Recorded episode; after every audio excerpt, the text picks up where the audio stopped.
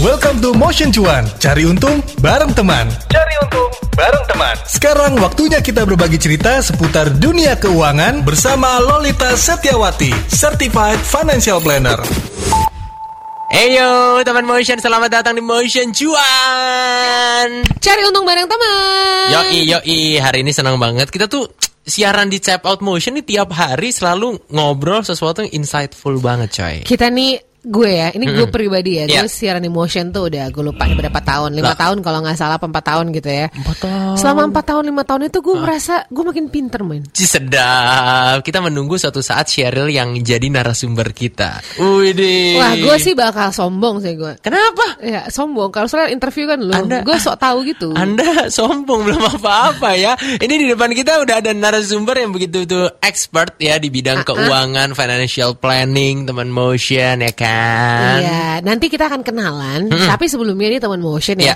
Lo pernah dengar gak teman motion istilah namanya gig economy? Gig economy apa tuh? economy. Jadi itu tuh kayak kumpulan tenaga kerja Oke. yang kerja tapi dia bukan karyawan tetap. Jadi sistem kontrak jangka pendek atau freelancer. Nih kayak gue sama Hmm, Oh, Adit iya, iya, misalnya iya, iya, iya. gitu Kita ya. freelance ya. Terus ada juga mungkin yang sekarang ini em, pasangan gue itu tuh punya kantor. Ya. Nah, dia tuh meng-hire freelance-freelance untuk bekerja Oh, di project-projectnya dia. Karena sekarang dia bilang orang-orang itu lebih suka untuk kerjanya freelance daripada menjadi karyawan tetap. Apakah ini udah jadi tren atau mungkin apa ya? Ya, karena kan anak muda sekarang itu kali kan ya? mereka tuh kreatif, independensi dan disiplinnya tingkat Iya, tinggi. iya, Jadi mereka benar. pikir they can work from anywhere, mereka kerjain tepat waktu, tetap kualitasnya oke. Buat apa gue harus bolak-balik ke kantor Benar. dengan pressure tinggi gitu kan? Abang kan anak muda sekarang udah BU ya. Jadi kalau freelance kan bisa di mana-mana dapat duitnya lebih banyak Oh, gitu kan. ya. Tapi susah juga ngatur sih. keuangannya, Dit. Ah, itu dia nih yang jadi topik bahasan kita hari ini sekalian kita ngebahas soal freelance, gimana ngatur uangnya. Barengan sama ada Mbak Lolita Setiawati di sini ya. Selamat sore, Kalolita. Halo Kak Lolita. Selamat sore Kak Adik, Kak Sheryl, teman motion. Asik. Kabar baik dong pasti teman motion yang lagi dengerin ini Mbak Lolita adalah seorang founder dari Daya Uang dan juga Certified Financial Planner. Kita mau Yes. bahas-bahas soal freelance nih hari ini ya Syar ya. Betul sekali. Nah, ini mungkin yang pertama gini kalau Lita ya. Oke. Ini kan sekarang trennya lagi banyak banget orang-orang yang milih kerja sebagai freelancer, bisa work WFA, work from anywhere Yes. gitu kan. Mereka bisa sebentar-sebentar nih ada teman gue sebentar-sebentar kerja dari Bali, sebentar-sebentar kerja dari mana gitu ya. Wah, enak banget. Bener dan juga akhirnya banyak orang yang nggak mau jadi karyawan tetap, lebih enak di hire per project. Itu karena menurut mereka gue nggak perlu ada di dalam drama-drama kehidupan kantor gitu loh, tapi duitnya tetap ada. Nah, kalau menurut kalau Lita sendiri, kenapa banyak anak muda sekarang nih, terutama ya millennials yang akhir-akhir dan Gen Z of course, mereka ini lebih memilih bekerja sebagai freelancer tuh kenapa kak? Ya, tadi kan udah disebut ya sama Kak Sheryl ya, kondisi sekarang ini adalah kita itu lebih suka kocek kita. Kalau saya generasi lama ya, tapi saya juga freelancer loh Kak Sheryl. Iya. Ah, kenapa sih? kenapa orang memilih ya kecenderungan sekarang, terutama yang kaum muda lebih suka jadi freelancer? Karena tadi ya mereka lebih senang kebebasan. Kebebasan dalam hal apa? Banyak. Kebebasan dalam hal waktu, kemudian load pekerjaan, wewenang ya kekuasaan atas diri sendiri. Kalau kita jadi karyawan kan kita nggak punya kekuasaan atas diri sendiri ya. Kemudian juga yang terakhir ada kebebasan berkreativitas. Nah Iya. itu tadi. Kalau kita bekerja sebagai karyawan atau pegawai tetap memang lebih stabil, tapi harus ada harga yang harus dibayar ya. Iya betul. Pertama tentunya waktunya juga ya waktu, aturan-aturan, tuntutan dan sebagainya harus dipenuhi. Yang kalau sebagai freelancer tentunya bisa eh, lebih fleksibel ya kan. Ya. Nah kemudian sebagai freelancer juga ada kemungkinan bisa eh, sukses ya. Sebagian kemungkinan bisa sukses dalam waktu yang lebih cepat atau bisa cuan dalam waktu yang lebih cepat gitu. Yes. Jadi eh, sedangkan kalau kita sebagai karyawan itu kan harus bertahap ya Yes, karir dan benar. uh, income yang diterima itu bertahap. Tapi sebagai freelancer itu tidak terbatas sebenarnya kesempatannya. Mungkin itu yang lebih diinginkan oleh Benar, Gen benar. Z dan juga milenial akhir. Bener tuh Ah, kesempatannya ah. lebih cepat, jenjang karirnya Iya, lebih dahsyat gitu ya. Makanya karena udah apa ya semua diatur sama dirinya sendiri gitu ya, udah nggak ada aturan dari kantor dan lain-lain juga gitu. Nah, tapi kalau sebagai seorang financial planner, menurut Mbak Lolita sendiri, mau anak freelance tuh harus ngerti atau cerdas juga nggak nggak sih ngatur uang, Mbak? Oh harus, justru sebagai freelancer harus lebih cerdas ya. Sebenarnya semua profesi harus sama-sama cerdas ngatur keuangan, tapi terutama adalah freelancer. Karena apa? Karena penghasilannya tidak pasti. Ya. Yeah. Jadi ada masanya kita dapat penghasilan sangat tinggi dan ada saatnya sangat rendah atau bahkan nggak ada sama sekali seperti Benar. waktu pandemi kemarin ya. Contoh kalau kita freelance sebagai MC, kemudian terjadi pandemi, ya jadinya harus beralih ke online kan pastinya akan lebih sedikit income-nya. Mm-mm. Nah, akibatnya kalau kondisinya seperti itu bagaimana? Akibatnya freelancer harus putar otak ya, gimana caranya Yes. untuk bisa membiayai hidup yang eh, mungkin gaya hidupnya udah terlanjur tinggi atau gimana ya, sedangkan penghasilan nggak ada, jadi kondisinya minus. Nah, kalau seperti itu dari mana? Dari tabungan ya. Kalau nggak ada tabungan gimana? Benar ya, ya. terpaksa akhirnya ngutang ya kan, kayak gitu. Nah, ini yang jadi masalah untuk freelancer pada umumnya. Jadi sebagai freelancer itu harus punya dana yang memang dialokasikan khusus untuk situasi yang darurat. Sifatnya darurat itu seperti apa? Misalnya seperti terjadi penghasilan tiba-tiba turun ya, atau tidak ada penghasilan sama sekali, jadi kondisi keuangannya minus. Nah, Iya, di situlah harus eh, lebih bisa menyiapkan dana darurat tadi ya. Itu sebagai prioritas utama seorang freelancer adalah harus punya dana darurat dulu. Wow. Benar tuh. Jadi prioritas utama seorang freelancer adalah harus punya dana darurat. Iya. Karena kalau freelancer itu biasanya sangat tertarik untuk kan dia kerjanya tuh kayak by project. Jadi eh, kerja kerja kerja capek capek capek capek capek dapat duit, dia kayak lupa ah udahlah abisin gitu ya. Iya makanya. Nah, makanya nanti kita akan belajar lebih jauh lagi Ah, ah, soal ah. ngatur cash flow supaya nggak boncos. Benar banget. Aku pengen nanya nih sama Kalolita, ada nggak sih perbedaan cara freelancer nih ngatur cash flow gitu ya? Sama yang karyawan nih yang emang tiap bulan Full udah time gitu pasti ya? income-nya kayak gitu. Karena kalau freelancer kan kadang-kadang duitnya ada yang banyak banget Benar. gitu loh. Bisa Sebulan, wah, se- 100, Oh. bisa nol. iya, ada sebulan bisa 70, tiba-tiba tiga Iya, bulan nggak ada sama sekali. Iya, iya, iya. Itu gimana tuh kalau Lita? Iya. Nah, perbedaannya ada di mana ya kan? Kalau dengan karyawan, karyawan itu kan penghasilannya tetap budgetnya jadi bisa fix per bulan, yakin nih ada sumber dana untuk membiayai budget itu ya. Mm-mm. Nah, sebenarnya freelancer juga bisa bikin budget yang fix. Jadi misalnya yang sudah alokasikan untuk eh, apa? makan misalnya 2 juta misalnya ya. Nah, tiap bulan seperti itu 2 juta terus ya fix seperti itu. Nah untuk freelancer sebenarnya juga bisa, cuma masalahnya sumber dananya yang berfluktuasi. Nah sebagai freelancer nih ya teman motion yang freelancer harus menetapkan gaya hidup sedikit di bawah gaya hidup yang sanggup dibiayai dari penghasilan bulanan. Jadi Oke. kita harus hitung dulu rata-rata penghasilan bulanan kita itu berapa. Nah, kalau dari rata-rata penghasilan bulanan tersebut kita bisa membiayai hidup misalnya senilai 10 juta. Nah, turunkan sedikit dari situ. Jangan ikuti yang 10 juta tadi. Kalau karyawan biasa mungkin bisa. Tapi kalau sebagai freelancer itu dijaga jangan sampai seperti itu ya. Kita turunkan dikit. Kenapa? Karena kita jaga-jaga kalau nanti ada musim kering atau paceklik tadi ya. Benar. Iya. income-nya ternyata berkurang, jeblok atau nggak ada sama sekali, kita nggak kaget, nggak shock gitu. Nah, Yes. untuk itu seorang freelancer harus punya rekening penampungan. Nah, rekening penampungan ini fungsinya apa? Fungsinya nanti adalah untuk membiayai saat musim paceklik tadi gitu. Jadi harus terpisah rekening untuk penampungan tadi untuk biaya hidup dengan rekening lainnya. Misalnya Rekening penampungan. Rekening Iya. penampungan itu beda sama dana darurat, Mbak kalau beda, Oh. beda lagi. Ya. Dana darurat ada lagi rekeningnya, penampungan ada, dan untuk rekening investasi atau tabungan ada lagi. Nah, rekening penampungan ini gunanya adalah untuk apa? Untuk membiayai hidup, ya, secara keseluruhan. Mau itu kebutuhan hidup yang sifatnya wajib ataupun untuk keinginan itu diambilnya dari situ. Oke, Oke, oke, yes, oke. yes. Tadi kan udah sempat disebutin misalnya rata-ratanya 10 juta, kita turunin dikit gitu ya. Karena namanya rata-rata kan ada yang kurang, ada yang lebih tuh biasanya ya kan, teman motion. Jadi Iya, amit-amit kalau ada musim paceklik kayak yang tadi Mbak Lolita bilang bisa teratasi dengan baik gitu. Nah, tapi kalau misalnya untuk dana daruratnya sendiri, ini aku sering dengar banyak banget di luar sana ada yang bilang eh, satu tahun dari lo kerja ngabisin duit berapa, terus ada yang enam bulan dan lain-lain. Sebenarnya gimana sih perhitungan yang paling pasnya ke kalau Lita? Sebenarnya itu adalah patokan yang sifatnya ideal ya, tapi setiap orang itu beda-beda kebutuhannya. Oke. Idealnya sih kalau sebagai karyawan biasanya adalah 3 sampai 6 kali dari pengeluaran bulanan. Oh. Tapi iya betul segitu 3 sampai 6 kali cukup. Tiga kali itu adalah untuk seorang yang masih single, ya enam kali yang sudah menikah. Nah, tapi untuk freelancer karena kondisinya beda ya, lebih tidak stabil, lebih tidak aman, sebaiknya dilebihkan. Mungkin 6 sampai dengan 9 kali pengeluaran bulanan atau sampai dengan 12 kali pengeluaran bulanan kalau ternyata tanggungannya banyak. Misalnya eh, pasangan dan anak-anak ya, pasangan Hmm. tidak bekerja dan anak-anak atau mungkin juga sandwich generation. Nah, Benar. sandwich generation ini harus menyediakan dana darurat lebih banyak lagi karena kan tanggungannya ada orang tua tua. ataupun mungkin kakek nenek ya, Pak Mandiri kakak misalnya seperti itu. Jadi harus lebih banyak untuk freelancer. Oke, oh iya benar juga sih ya kalau Lita ya. Nah, Iya, tapi berarti kalau misalnya pekerja freelancer gitu ya, ngitung tadi udah nih rata-rata per bulan Yes. nih, per bulan Ah. berapa gitu ya, gitu ya. Dan pembagian pos-posnya berarti tadi yang pertama adalah untuk menghidupi uh, Ah, kehidupan. Sendiri. ya ya membiayai kan? hidup, ah, terus kemudian dana darurat, terus ketiga apa tadi investasi ya kayak?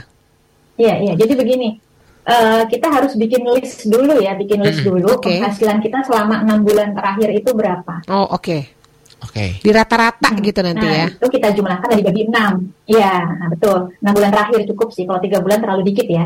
Nah, dari situ baru kita buatkan budgetingnya. Nah, budgeting yang ideal untuk eh, seorang freelancer itu kurang lebih, misalnya nih ya, kalau seseorang seorang freelancer yang nggak punya cicilan utang misalnya ya, berarti dia bisa invest, eh, bisa alokasikan untuk tabungan dan investasi sekitar 15%. Hmm. Kemudian li- 50% untuk kebutuhan hidup dan 5% untuk amal, kemudian 30% untuk keinginan. Ini contoh aja ya. Ya, ya. Ini baku sifatnya, jadi tergantung dengan uh, kondisi masing-masing. Contoh misalnya penghasilan 10 juta, berarti kan kalau penghasilan 10 juta untuk kebutuhan 50% dan untuk keinginan tadi 30% ya, Ya. berarti berapa? 80%. Berarti harus siap 8 juta untuk hidup sebulan gitu ya. Dan sisanya 2 juta tadi untuk tabungan dan amal. Nah, karena sebenarnya dia mampu nih ya untuk membiayai kehidupan sekitar 8 juta per bulan, tapi please turunin dikit tadi ya, turunin gaya hidupnya sedikit, dia nanti nggak shock kalau tiba-tiba penghasilannya turun. Mhm. Nah, menurunkannya berapa? Bisa mulai dari eh, 10 sampai 20 persen, ya minimal 10 sampai dengan 20 persen. Jadi berapa tuh kalau misalnya tadi 8 juta, 8 juta, eh, berarti 7,2. sekitar 800 ribu ya, 10 persen 800 sampai ribu. dengan 1,6 juta. Iya. Jadi, iya betul tadi hitungannya Mas Adit seperti Mhm. itu. Ya. Oh iya iya iya ya. benar berarti emang harus uh, kita pondasinya atau uh, langkah pertamanya adalah ngebuat rata-rata di enam bulan itu ya. Mbak Lolita Iya, yang paling betul. penting ya. Mhm. Oke. Jadi tadi kan hitungannya sekitar eh, mungkin 6,4 sampai 7,2 juta ya. Mhm. Ambil angkanya di situ aja untuk biaya hidup, jangan yang 8 juta. Gitu. Oke, itu mindset tuh kayak gitu tuh. Benar. Nah, berarti kalau kita udah uh, hitung secara budget gitu ya, Iya. kita udah punya ini kira-kira kita harus spend berapa, kita lagi nabung juga buat dana darurat. Nah, paling nggak enak kalau udah lagi nabung Yes. kayak gitu, terus kita sakit. Tapi kan untuk seorang freelancer, apakah penting punya asuransi kalau kita? Karena kan asuransi juga ya itu udah proteksinya udah lebih Benar. lagi gitu ya. Apakah uh, nggak mengganggu cash flow-nya? Penting banget ya, justru wajib seorang freelancer untuk punya asuransi. Wajib ya. Jadi kalau kita adalah seorang karyawan kan biasanya kita dapat dari perusahaannya. Kalau yes. Hmm.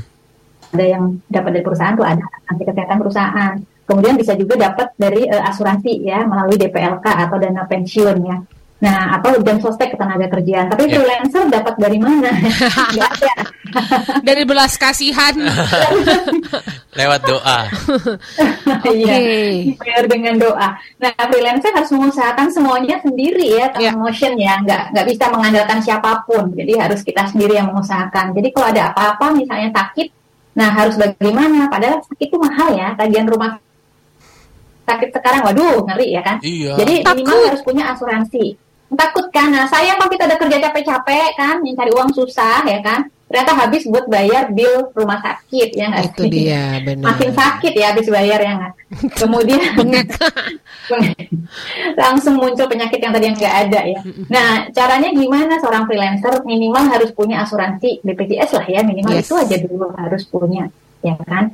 Lumayan ini kalau untuk rawat inap ya eh, dan eh, tindakan itu lumayan menghemat. Tapi kalau kita merasa tidak nyaman dengan layanan rumah sakit untuk rawat inap, kita bisa tingkatkan lagi ya. Kalau ada budgetnya juga bisa Benar. tingkatkan lagi untuk punya asuransi kesehatan swasta. Ya tergantung budgetnya. Oke. Nah, nah ini kita hitung-hitung budgetnya bagaimana ya itu tadi kita harus cek dulu penghasilan rata-rata kita berapa kemudian tadi budget yang udah dibuat itu ada nggak spare-nya untuk bayar premi ya itu dulu Yes, nah yes. eh, terus kalau kita sudah punya tanggungan nah ini dia kalau freelancer yang punya tanggungan misalnya eh, ada pasangan tidak bekerja anak atau orang tua dan sebagainya itu artinya apa artinya freelancer harus punya proteksi atas penghasilan.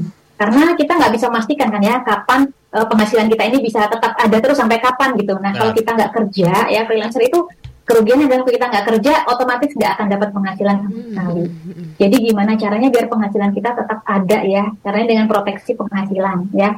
Bisa dari uh, asuransi jiwa misalnya. Jadi kalau uh, ada apa-apa dengan freelancer tersebut, nanti akan ada uang pertanggungan yang cair yang akan digunakan untuk biaya hidup tanggungan-tanggungan yang ditinggalkan tersebut ya. ya jadi ya. itu bisa jadi salah satu atau asuransi uh, penyakit kritis. kritis. Jadi kalau ada ya. kena penyakit kritis ya nggak bisa bekerja itu ada pengganti penghasilan juga untuk yang di uh, untuk keluarga ya. Nah itu juga bisa digunakan. Jadi harus ada memang pos alokasi untuk premi asuransi. Jadi nggak nah, boleh sayang gitu ya.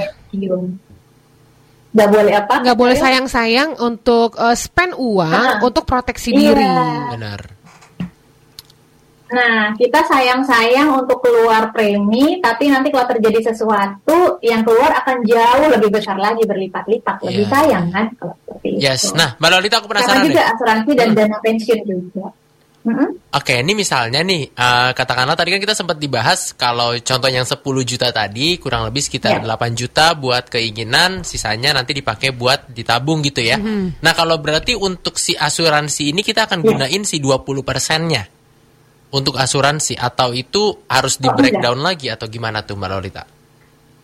Premi asuransi ini termasuk kebutuhan sifatnya. Wah, oke. Okay. Jadi harus masuk di pos alokasi kebutuhan. Jadi itu udah nggak bisa ditawar menawar tuh kalau dari kebutuhan gitu ya kalau Lita ya, karena kita betul. tidak ada yang menanggung teman-teman. Benar, benar, benar, Berarti ya, masuk ke 80 persen itu ya tadi ya. ya. Oke, nah kalau dana pensiun tadi gimana silakan kak hmm. jelasin. Iya, untuk dana pensiun juga kita juga harus menyiapkan sendiri ya, harus menyiapkan sendiri karena nggak ada jaminan dari siapa pun. Jadi uh, untuk itu seorang freelancer harus mulai investasi sedini mungkin. Jadi jangan nunggu nanti-nanti, jangan nunggu mungkin ada yang mikir ah nanti aja kalau udah usia 30 atau 40-an misalnya yes. kan. Sekarang kan masih 20-an, mau senang-senang dulu nih, ngapain mikirin dana pensiun masih lama kok gitu ya. Tapi kalau kita mulai lebih di awal nanti akan lebih ringan untuk kita bisa mencapai target dana pensiun yes. yang kita harapkan. Inginnya kan waktu pensiun kita bisa ya jangan turun-turun banyak lah gaya hidupnya yang nggak sih paling enggak nah, paling enggak ya sedikit turun boleh lah tapi jangan banyak-banyak. Nah untuk itu kita harus punya dana pensiun yang cukup kan. Yeah. Dan semakin lama kita hidup maka kebutuhan dana pensiun kita juga akan semakin besar ya. Yes. Mana sekarang makin lama kan harapan hidup juga semakin panjang yang tadinya laki-laki 70 jadi 75 nanti bisa 80 jadinya semakin panjang um, masa hidup tentunya akan banyak kebutuhan dana pensiunnya padahal sebagai freelancer sampai kapan sih kita tetap bisa bekerja Benar. Ya. apa mau kerja terus sampai 70-an yes. juga kan. Dan kita nggak boleh menggantungkan ke anak kita nanti ya. harus ngitung Iya, jangan sampai anak kita juga jadi sandwich generation ya kan. Ah. Harus diputus tuh rantai sandwich generationnya jangan sampai keturunan kita jadi membiayai kita juga. Oke, nah nanti ngomongin investasi abis ini akan ada uh, segmennya sendiri nih teman motion. Tapi mau tanya dikit dong kalau misalnya kita dapat per bulan nih Mbak Lolita katakanlah uh, 10 ya. juta gitu ya biar gampang seperti hitungan yang tadi. Baiknya ngabisin dulu, hmm. sisanya ditabung atau kayak udah langsung nih ditabung 20% nggak boleh diapa-apain. Itu gimana tuh? Langsung ditabung. Jadi kita dapat penghasilan ya. Kadang kan dapat penghasilan tuh nggak tentu ya. Bisa hmm. hari ini dapat, besok enggak gitu. Nah, begitu kita dapat penghasilan, itu langsung dari situ dipotong untuk tabungan dan investasi misalnya 15% ya. Kemudian jangan lupa ya kalau yang muslim harus uh, bayar zakat kan, jadi bayar 2,5% ya. dari itu di awal. Karena kalau sudah di akhir nanti udah keburu habis, nggak ada sisa lagi, jangan-jangan. lebih lebih baik kita sisihkan di depan ya untuk kita di masa depan ya kan. Yes. kan itu kita di masa depan sisanya ya terserah bebaskan mau dihabiskan juga nggak apa-apa gitu. Jadi yang penting kita kunci dulu nih ya uh, untuk tabungan dan investasi yang kita dahulukan. Sisihkan bukan sisakan ya. Yo itu dia tuh sisihkan bukan sisakan. Oke okay, dari sekian banyak instrumen investasi yang cocok untuk seorang freelancer katakanlah mungkin teman motion ini belum belum menikah ya. Nah itu tuh gimana tuh mbak uh, memilih jenis instrumen yang tepat mbak? Iya sebenarnya memilih instrumen investasi yang cocok itu bukan dinilai dari jenis profesinya ya, apakah hmm. karyawan atau freelancer itu apa beda sih uh, investasinya enggak semuanya yeah. sama tapi lebih pada profil resiko dan tujuan keuangannya jadi antara karyawan dan freelancer itu sebenarnya perlakuan keuangan itu hampir sama. Okay. Nah untuk profil resiko ini dulu yang harusnya dinilai oleh freelancer ya, apakah yeah. dia itu profil resikonya konservatif, moderat atau agresif. Semakin uh, tinggi tingkat uh, penerimaan resikonya ya, pastinya akan makin banyak juga pilihannya daripada seseorang yang konservatif yang penerimaan resikonya rendah. Nah, oh, kemudian okay. baru kita menyusun tujuan-tujuan keuangan kita apa aja sih ke depannya ya. Itu dikategorikan sesuai jangka waktu. Jadi kita bagi-bagi nih, misalnya tujuan jangka pendeknya ke adit nikah misalnya ya, jangan Amin. Menengah misalnya di rumah dulu. ya, di rumah baru gitu kan. Rumah kedua ya atau ketiga ya ke adit ya. Ah, iya. Kemudian jangka panjang misalnya dana pensiun gitu ya. Jadi dibagi-bagi sesuai dengan jangka waktu. Itu nanti akan beda-beda uh, jenis investasinya ya. Nah, mungkin ini teman motion sudah sering dengar ya tentang ini ya. Mm-hmm. Tapi coba nih saya kasih contoh yang lebih detail lagi deh. Contoh nih, seorang yang profil moderat ya, misalnya Kak Adit profil risikonya moderat ya, sedang ya. Kalau sedang kan enak ya, bisa ke mana-mana gitu. Dan tujuan keuangannya itu misalnya tadi pertama untuk nikah jangka pendek. Oke, untuk jangka pendek eh, menikah kita bisa investasi di reksadana pasar uang. Okay. Atau deposito itu yang resikonya rendah ya. Kemudian untuk coba-coba dikit ya yang resiko tinggi boleh kalau moderat bisa coba misalnya peer to peer lending ya kemudian untuk jangka menengah misalnya untuk uh, beli rumah tadi ya DP rumah yeah. oke okay, bisa coba emas ya emas itu mm-hmm. contoh jangka menengah kemudian obligasi atau reksadana pasar uang ya uh, sekarang kan banyak nih obligasi dari pemerintah tuh bermunculan tahun ini banyak banget yes banget banget banget banget hmm, itu bisa jadi opsi Kemudian kalau untuk yang jangka panjang, misalnya dana pensiun tadi bisa pilih reksadana saham ya atau saham langsung, langsung terjun di saham, saham dalam negeri maupun luar dan juga coba properti. Oh, Itu yang resikonya agak tinggi, tapi nggak apa-apa. Untuk yang profil resikonya moderat, boleh yang resiko tinggi asal jangkanya panjang. Karena kalau jangka panjang kan nilai investasi itu berfluktuasi ya, yeah. tapi kecenderungannya akan naik terus. Jadi lebih tenang kalau diambil untuk jangka panjang.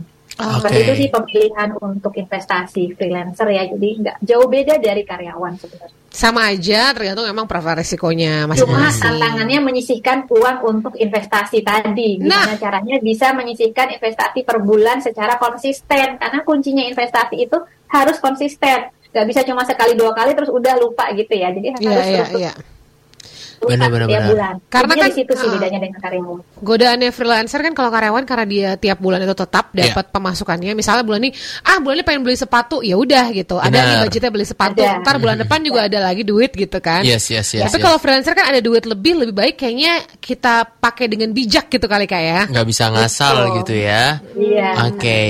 Nah, Mbak Lolita, tapi ini mungkin agak mundur sedikit tadi obrolin tentang uh, profil resiko yang moderat dan lain-lain taunya profil resiko saya yang moderat atau yang tinggi atau yang rendah itu gimana tuh? Ya, lo nilai diri sendiri gitu gak sih, Mbak? Eh, sebenarnya kalau untuk cara ini cara ribetnya tapi lebih lebih akurat uh. bisa coba kalau buka rekening uh, atau akun sekuritas oh, di situ iya, biasanya ada kita disuruh ngisi iya suruh ngisi semacam survei nanti akan kelihatan kita itu uh, apa profil resikonya oh. tapi kalau gampangnya sih kita bisa coba aja misalnya dalam uh, kita punya uang investasi berapa misalnya 100 juta Nah, kalau dari 100 itu kita rela kehilangan uh, sekitar 50 sampai 70 persen itu artinya kita sudah agresif.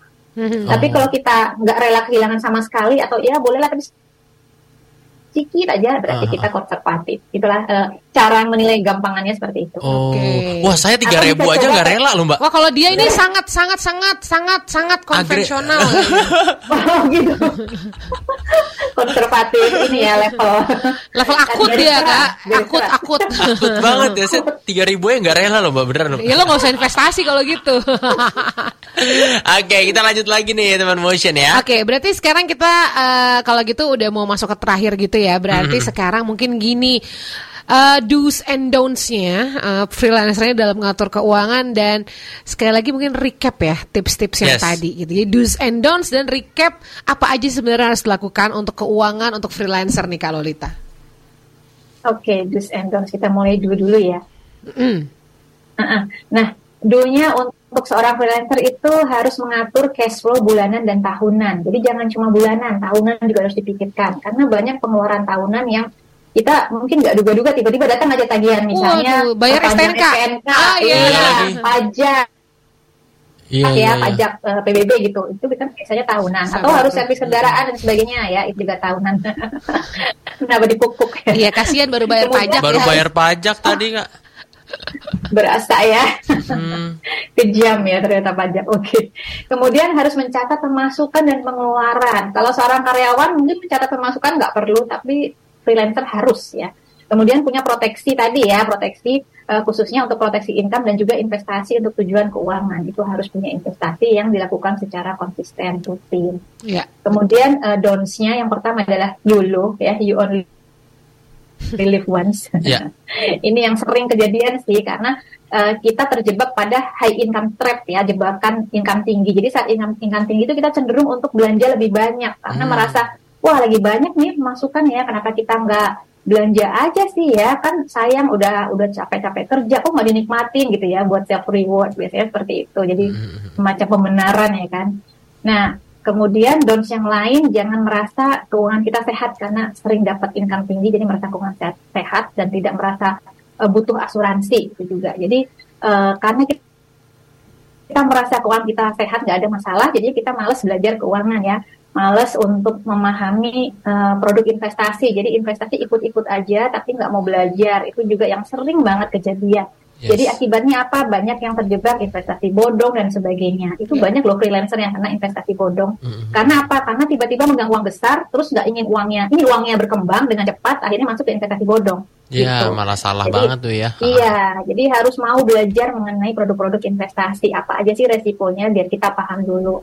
Dan berikutnya tadi ya merasa sehat karena merasa biasanya kan masih muda nih ya freelancer masih muda masih sehat kuat kok kerja sampai eh, pagi ya kan. Jadi nggak merasa butuh asuransi kesehatan. Nah, nanti pada saat terjadi sesuatu akhirnya nyesel ya. Nah ini juga yang harus dipahami oleh freelancer. Eh, biasanya mampu merasa mampu bekerja terus sampai eh, usia pensiun tiba, padahal eh, banyak yang harus dilakukan kan untuk mempersiapkan masa pensiun. Benar-benar. Itu sih, benar. Don. Wow. Oke. Yes, Baik. ini berarti banyak banget insight menarik dari Mbak Lolita ya. Intinya kita uh, harus membedakan nih menikmati masa muda sama merusak masa tua nih. Jangan sampai malah jor-joran masa tuanya jadi gimana-gimana gitu ya Mbak Lolita ya. Iya, harus seimbang, harus balance kita hidup. Betul, you only live once. Yes. Tapi kan gak seru juga di hidup kita yang once itu di masa Uh-uh. tuanya kita kesiksa, betul gitu ya. Bener, makanya nih oke. Yes. Thank you banget Mbak Lolita atas waktunya ngobrol-ngobrol hari ini barengan sama teman-teman uh, teman motion yang lagi dengerin sekarang ya, Mbak Lolita ya. Sama-sama, terima kasih juga teman Motion, Kak Adit, Kak Sheryl. Terima Semoga kasih. bermanfaat ya. Siap Kak, sehat-sehat terus ya. Sehat-sehat selalu Bye-bye. Mbak Lolita. Bye bye. Sehat-sehat juga semuanya. Thank you, Bye. Mbak. Bye bye. Thank you. Itu dia Motion Cuan, cari untung bareng teman di minggu ini bersama Lolita Setiawati, Certified Financial Planner. Tungguin obrolan seru lainnya di Motion Cuan, cari untung bareng teman. Sampai ketemu di episode minggu depan.